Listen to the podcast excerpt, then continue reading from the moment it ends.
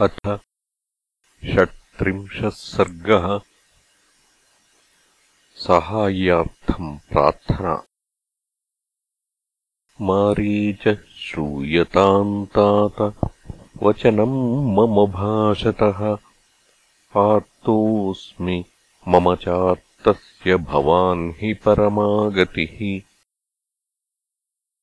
जानीषे त्वम् जनस्थाने यथा भ्राता खरो मम दूषणश्च महाबाहुः स्वसा शूर्पणखा च मे।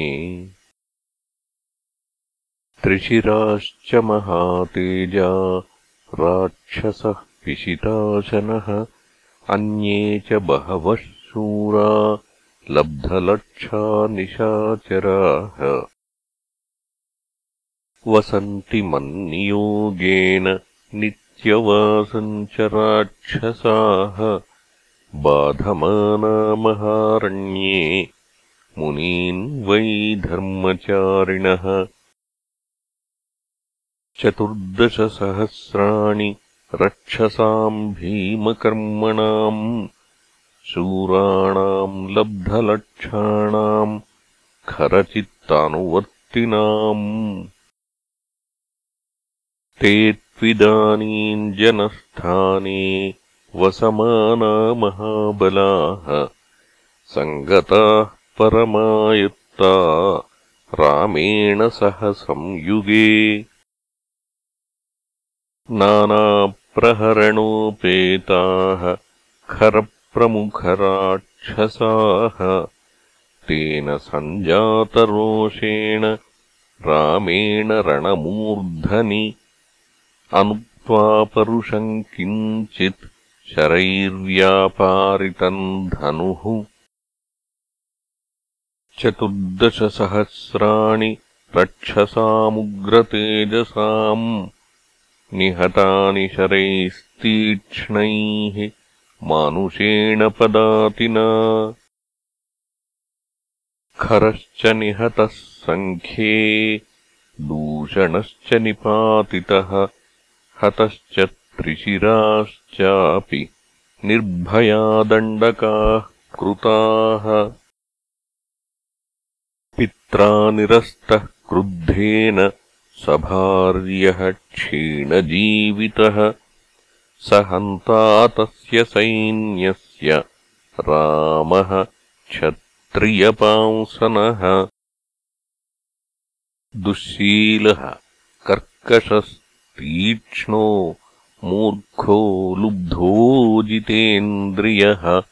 त्यक्तधर्मो ह्यधर्मात्मा भूतानाम् अहितेरतः येन वैरम् विनारण्ये सत्त्वमाश्रित्य केवलम् कर्णनासापहरणात् भगिनी मे विरूपिता तस्य भार्याञ्जनस्थानात् सीताम् सुरसुतोपमाम् आनयिष्यामि विक्रम्य सहायस्तत्र मे भव।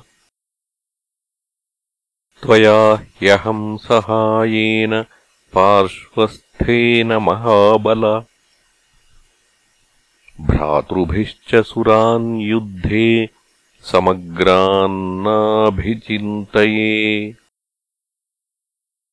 तत्सहायो भवत्वम् मे समर्थो ह्यसि राक्षस। वीर्ये युद्धे च दर्पे च न ह्यस्ति सदृशस्तव।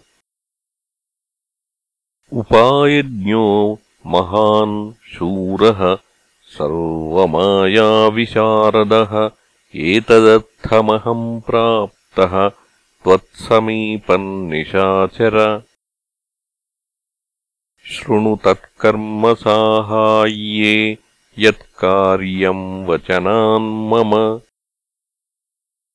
सौवर्णस्त्वम् मृगो भूत्वा चित्रो रजतबिन्दुभिः आश्रमे तस्य रामस्य सीतायाः प्रमुखे चर।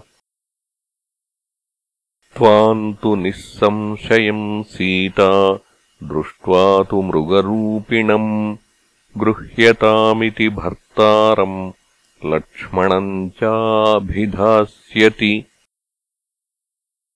ततस्तयोरपायेतु शून्ये सीताम् यथा सुखम् निराबाधो हरिष्यामि राहुश्चन्द्रप्रभामिव। ततः पश्चात् सुखम् रामे भार्याहरणकर्षिते विस्रब्धः प्रहरिष्यामि कृतार्थेनान्तरात्मना। तस्य रामकथाम् श्रुत्वा मारीचस्य महात्मनः शुष्कम् समभवद्वक्त्रम् परित्रस्तो बभूवः ओष्ठौ परिलिहन् शुष्कौ नेत्रैरनिमिषैरिव मृतभूतैवार्तस्तु रावणम् समुदैक्षत स रावणम् त्रस्तविषण्णचेता महावने रमपराक्रमज्ञः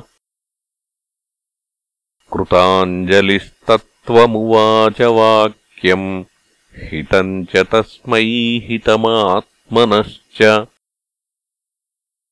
इत्यार्षे श्रीमद् रामायणे वाल्मीकीये आदिकाव्ये अरण्यकाण्डे षट्त्रिंशः सर्गः